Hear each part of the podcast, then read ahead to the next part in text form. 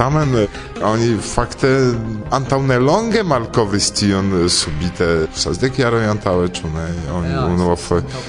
sed kiam oni staras sur tiu dezerto? Tute oni ne vidas pri kio temas do kiamaniere tiuj homoj kreus tion? Do mi estis persone tie kaj ankaŭ flugis per aviadule supre kaj estis sufiĉe impona sed samtempe mi legis eh, estis iu esploristo kiu provis per tre simplaj metodoj krei similajn aferoin kaj sukcesis, ĉu do ne temas pri aferoj nefareblaj en primitiva medioj.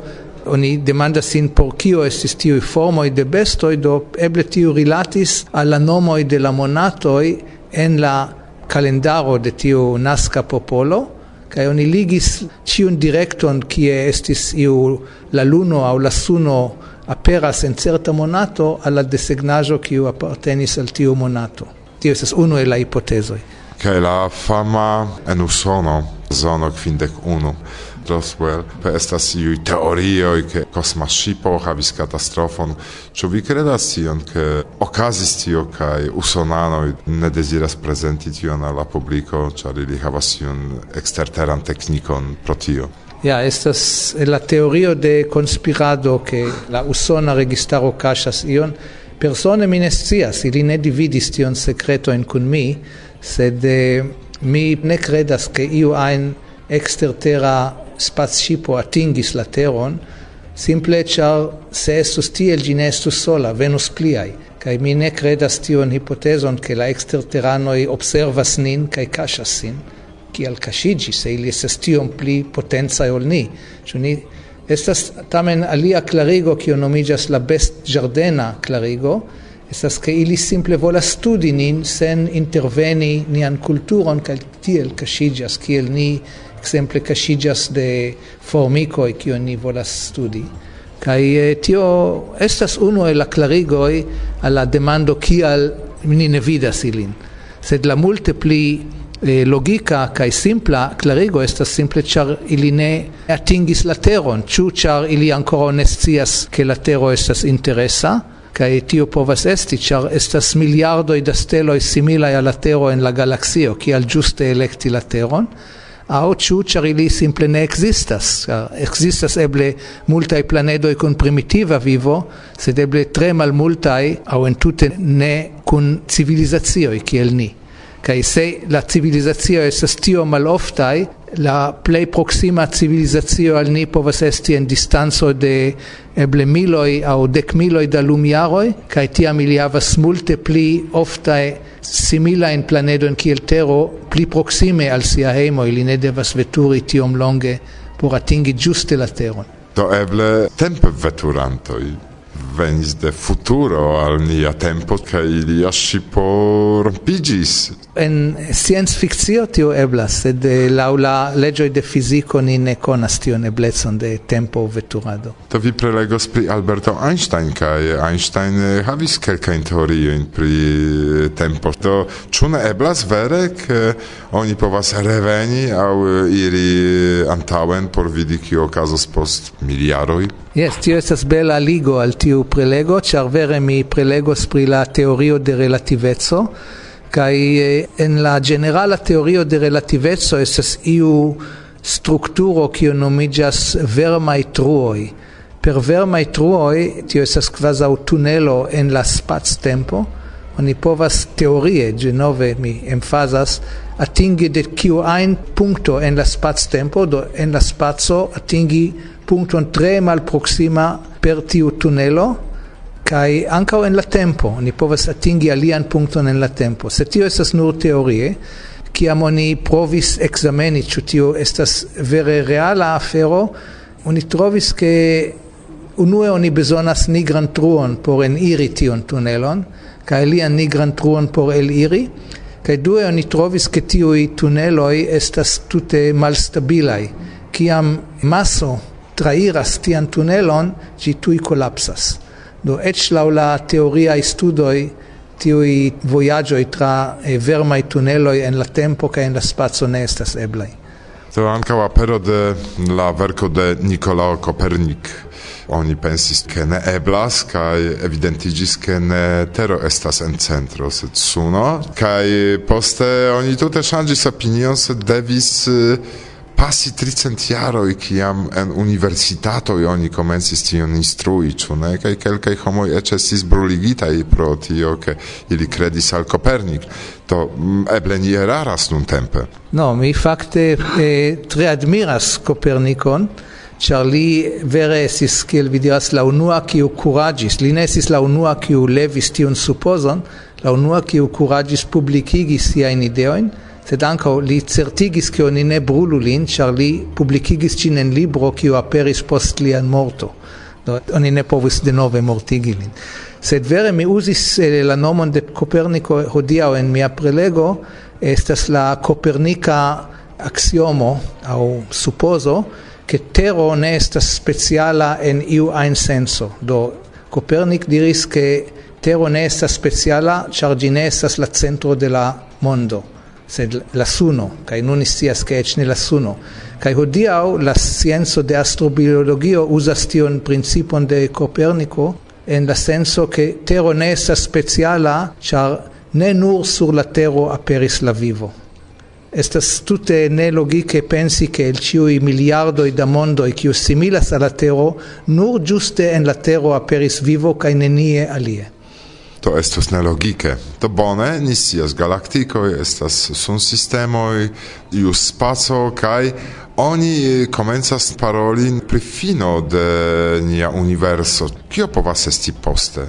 dua universo au tute nenio do se tute nenio do kio tio estas kio estas tio nenio circa dec sep jaroin oni malkovris ke nia universo kiun oni konis jam ke gi expansias sed oni pensas che tiu expansio mal rapidigas, kai eble estonte gi ech haltos, kai renversigios, antau dec sep jaroi, en 1998, oni malcovris che tiu expansio acceligas, kai farigas pli kai pli rapida, kai tio signifas che post multai miliardo da jaroi, la galaxioi disvastigios tiom for unu de la alia, che de nia galaxio oni ne plu povos vidi iun ajn alian galaxion. Do estas nur nia galaxio kai poste circaue videblos nenio. anca la tio teorio la stelo iom post iom maliunigios kai post kelkai eble kvindek miliardo da jaroj ciui formortos kai nia universo estos malplena kai kun nenio stelo ech Nia suno transformigios en tre granda stelo kiu nomigas ruĝa giganto kai la temperaturo sur la terra atingos kelk milo in da gradoi. De nove tro for en la estontezo se tio estas la antaŭvido pri nia universo pri alia universo mi simple nescias estas estas e pri paralelaj universoj kai tia aferoi sed malfacile diri ion pri tio char ni ne konas. To fakte ni povas nur spekuli pri tio, ĉu estas tiel aŭ tiel, do ni havas supozojn, sed tamen eh, oni ne povas pri tio atesti iamaniere. Do, ĉu ni rajtas oficiale diri al aŭskultantoj, ke homoj ne timu, vi povas dormi trankvile, ĉar ni havas fratojn en kosmo, do eble ni ankoraŭ ilin ne malkovris, tamen eble ni ĝis vivos la momenton, kiam en televido oni anoncas Ah, venis te amo de la alia planedo kai portis tomatojn kiuj kreskas kelkaj mildalumaj jaroj de, de la terra Do persone mi ne pensas che balda ni vidos tion momenton che venis gasto de alia steloi sed mi ja pensas che tion mi daure instruas al mia studento e che ni estas suffice proxima al momento che oni trovos la unuain signoin de exterterra vivo sur aliai planedoi, eble ene de dec iaroi, char nun iam oni construas tiom fortajn telescopon kiu capablos analizi la lumon de tiui planedoi, kiu similas al tero, kaj se trovigios signoi de exemple oxigeno en iliai atmosferoi, tio estos indico che versaine ocasas fotosinteso tie.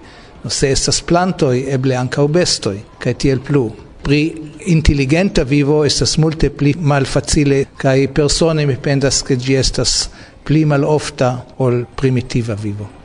Do mi resumos nian belan diskuton pri vivo ekster tero. En la komenco estis volapiko. Ĉu ne? Kaj poste aperis Esperanto. Do, karaj, ĉion la plej bonan al vi de Irek kaj de Amri, koran dankon, kai gis iam en Esperantujo.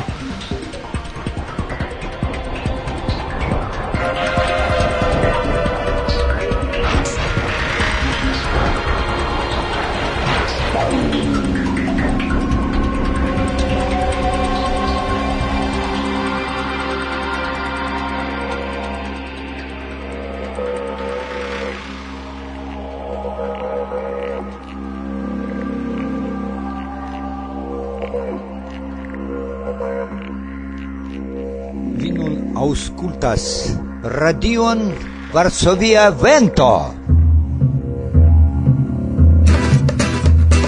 Mumioi de longe mortai el tombigas antau oni dedicante che socion organizum la bibli, se pli hufte cae pli sage oni nur assertas che la infano pli profita se virinoi iras reen. Grandoi en ce ondas plur. Pro esti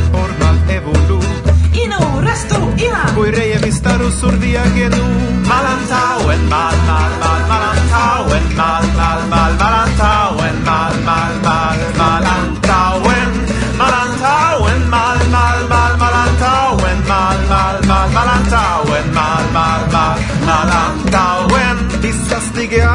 ti memo creas kialoin por control. Regravigas etiketon entimigas vinan rol. La imposton vi bon ja besonas hom. Case misero vincia grenas circa un murigu vian domon. Promeme directi la distribuon. Inom servistino Dai loro restu ci via shu Malantau en mal mal mal Malantauen mal mal mal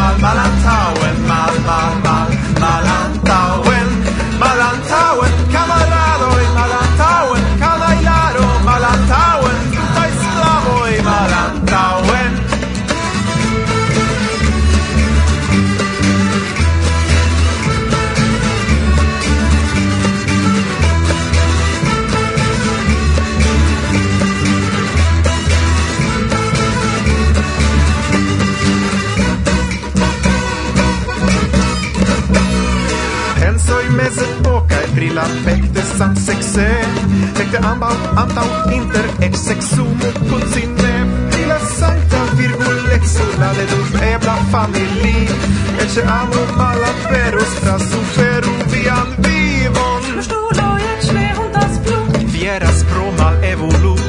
Ino restum batita. Iunuloi convertu la gamul per glum Malantau en mal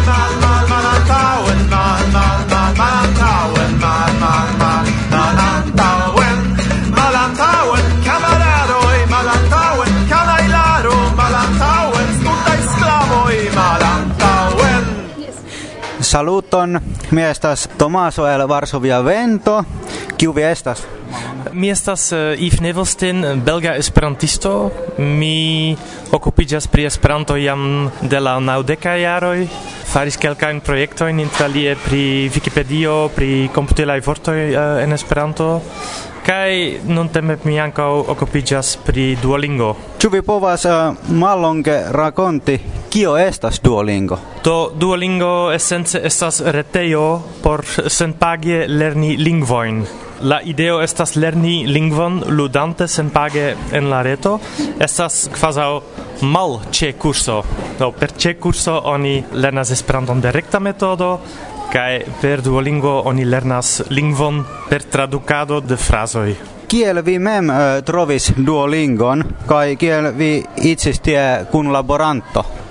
Chuck Smith estas bona amiko uh, eh, de mi, do li fakte proponis al la creinto de Duolingo aldoni ankaŭ Esperanto version, kai en certa momento uh, li acceptis, kai tiam mi eksciis pri tio per tiu vojo. Ĉu vi eh, lernis ankaŭ aliajn lingvojn per Duolingo? Yes, efektive. Um, mi iris al la Itala Kongreso ĉi-somere kaj lernis iom la italan eh, per ĝi por provi. Kiom da homo jam lernas au lernis Esperanton per Duolingo? Ĉu ekzistas iu statistiko? Eh, uh, yes, estas fakte statistiko pri la nombro de kontoj, do la nombro de contoj estas uh, ducent dudek mil en tiu ĉi momente. Eh, uh, ciu tage aldonigas mil novaj uh, kontoj. No, krei konto ne signifas ke vi finis la tuton, do estas nur indico che vi uh, volas malkovri kio estas Esperanto, se tamen Esperanto troviĝas inter la aliaj lingvoj kaj tiel estas tre pozitiva ke estas io normala kiun lingvemuloj povas malkovri inter la aliaj lingvoj. Ĉu uh, eh, Duolingo estas ankaŭ uh, eh, bona retpaco por tute komencantoj kiu neniam ankoraŭ lernis Esperanton? Yes, estas la mi la plej bona retejo momente, eh, uh, almenaŭ se vi bone regas la anglan por uh, eklerni Esperanton, ĉar vere estas eĉ iom sclaviga, to estas vere kiel ludo, kaj la programo invitas vin uh, reveni al ĝi. Estas ankaŭ science pruvita ke Duolingo estas maniero efike uh, lerni lingvon kaj rapide antaŭeniri. Vi fakte lernas frazojn el la ĉiutaga vivo, kiun vi vere bezonas en konversacioj. Ĉu eh, Duolingo povas uh, doni al Esperanta movado novan periodon kaj multaj novaj esperantistoj? Ho, estas multe da entuziasmo pri uh, Duolingo, precipe char post la granda successo de la angla versio ancao ec estas hispana versio kaj sekvos aliai versioi do vi povos lerni ancao Esperanton ec de la hispana, la portugala cotopo. Ka evidente tio estos granda helpo eh, alla movado en la tuta mondo eh, por iam renaskigi. Jam nun, ciu esperantisto jam konas retpacon lernu.net kai ĉu Duolingo povas esti nova lernu.net tiel ke kiel numero unu por retpaĉo ĉar jam nun Duolingo havas en duono jaro tiel multe kontoi kiel lernu.net en multa jaroj. Fakte Duolingo estas aldona kurso unu el la maniero lerni eh, Esperanton. Ciam estas bone kombini diversajn lerniloin por havi plej bonan efikon ne suficias uh, eh, Duolingo, vi ankaŭ bezonas la kontakton kun la homoj, eh, la praktikadon uh, eh, komunikante kaj en lernunet estas tamen multe da materialo kion komencantoj kaj komencintoj povas uzi por uh, progresi en Esperanto. Do mm, ne vere anstataŭas sed estas ĝojiga novaĵo ke Duolingo akceptis Esperanton, ĉar ili zorgas pri la servilo, ili zorgas pri la ĝisatigoj kaj ĉio, nur ni devas traduki kaj la tuta mondo povas profiti. Ĉu vi havas ankoraŭ kelkaj vortoj al eh, aŭskultantoj, kiu nun pripensas ĉu proponi al eh, novaj komencantoj tion? mi dirus vi iru al duolingo.com, creu konton, provu, estas senpage, Kai auskultu eh, la voĉ registrado estas tre profesie farita alt nivela la tuta curso estas elaborita kun labore kun la Akademio de Esperanto do la nivelo vere estas tre alta. Kaj vi vidos. Nu povas ankaŭ esti interesa kaj mi aŭdas tion plurfoje. Eĉ se vi estas bona esperantisto indas trairi la tutan kurson por lerni la anglan. Ĉar estas el la angla ke vi lernas eh, Esperanton vi vere konstatas spertas ke la angla estas tre malfacila lingvo kaj Esperanto estas facila. Mi dankas vin. Yes.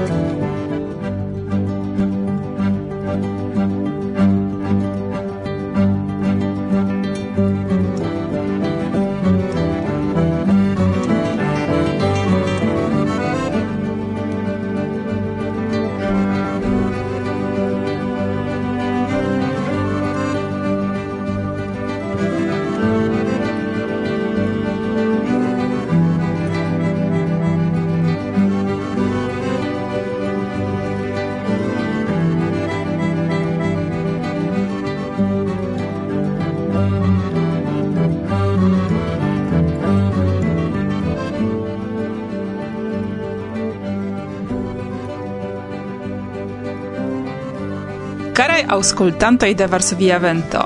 Saluton! Imago che decidis mi aligi alla sepdekfina hispana Esperanto Kongreso. Yes. Nenion mi drinkis. Mia decido estis absolute conscia. Kial? No. Ne tiel facilas cion clarigi. Alia demando, ĉu la kongreson fakte valoras partopreni? Ja, se vi ne havas liberan tempon, komence de la somero, eĉ la plej taŭgaj informoj ne varbos vian atenton. Sed tamen eble vi havos? Pripensu, nepre. Ĉar ne temas nur pri la hispana suno, dank al kiu revenos ni hejmen sunbruniĝintaj komence de la somero. Sunbruniĝintaj sub kondiĉo kompreneble ke dume ne pluvos. Ne, ne, ne eblas temas ja pri Hispanio. Anstatau pluvo plitimus mitaŭrojn. Tiujn en Hispanio videblas ĉie, sur ĉiu altaĵo, eĉ amase. Tauro tie, ankaŭ tie, kien vi ne rigardos. Ne, ne, dum la kongreso ne estos same ekstreme kiel en Pampeluna. Probable, mi pensas, sed tamen Tauroi kaj Hispanio estas kiel Polando kaj Żubrówka. Ne timudo.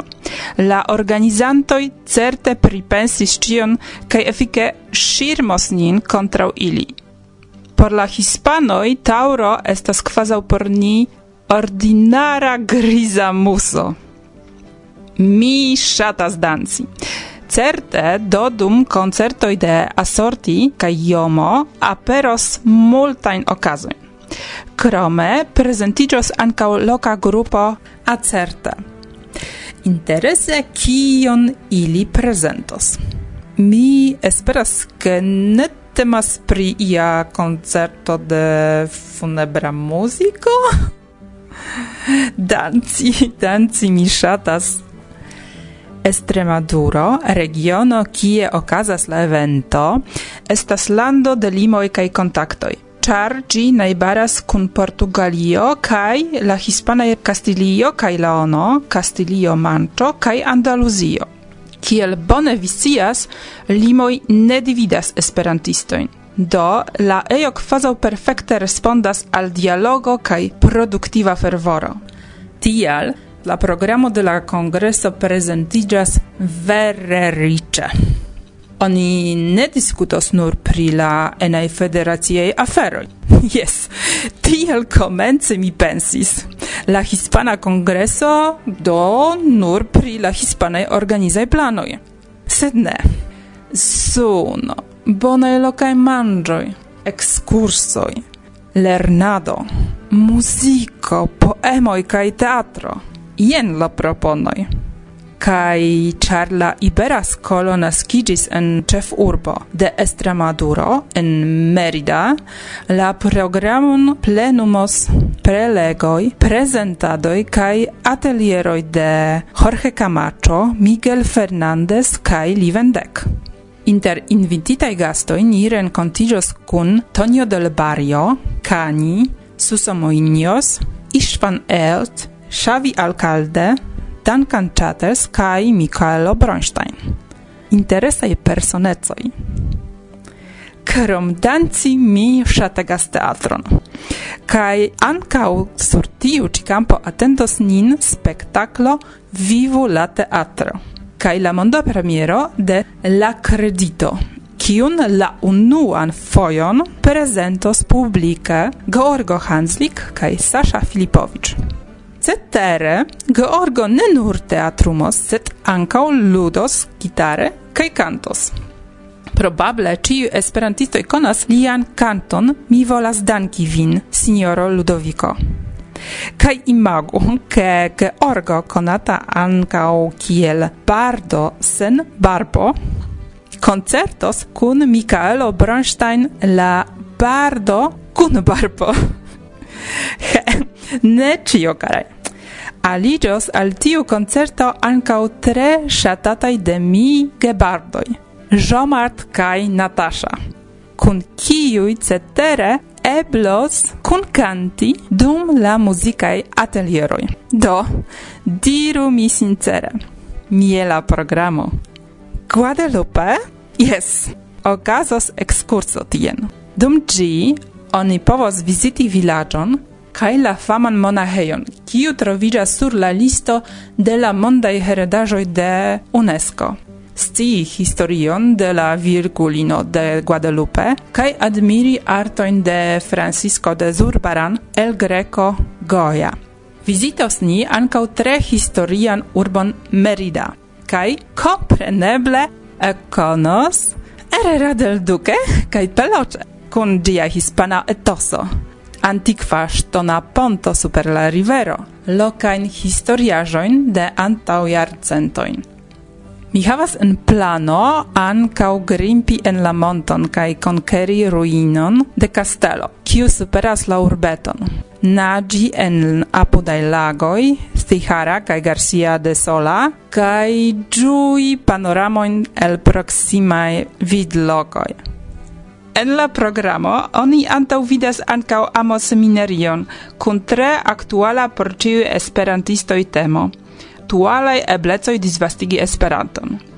Kiu prezentiĝos dum ĝi kaj kion al vi proponos, malkovru jam mem studante tiun zorge preparatan programon. Agnieszka Rudzia diras en la reklamo jubileoj ne ripetiĝas. Pura vero tiel, mi ne intencas maltrafi la kongreson.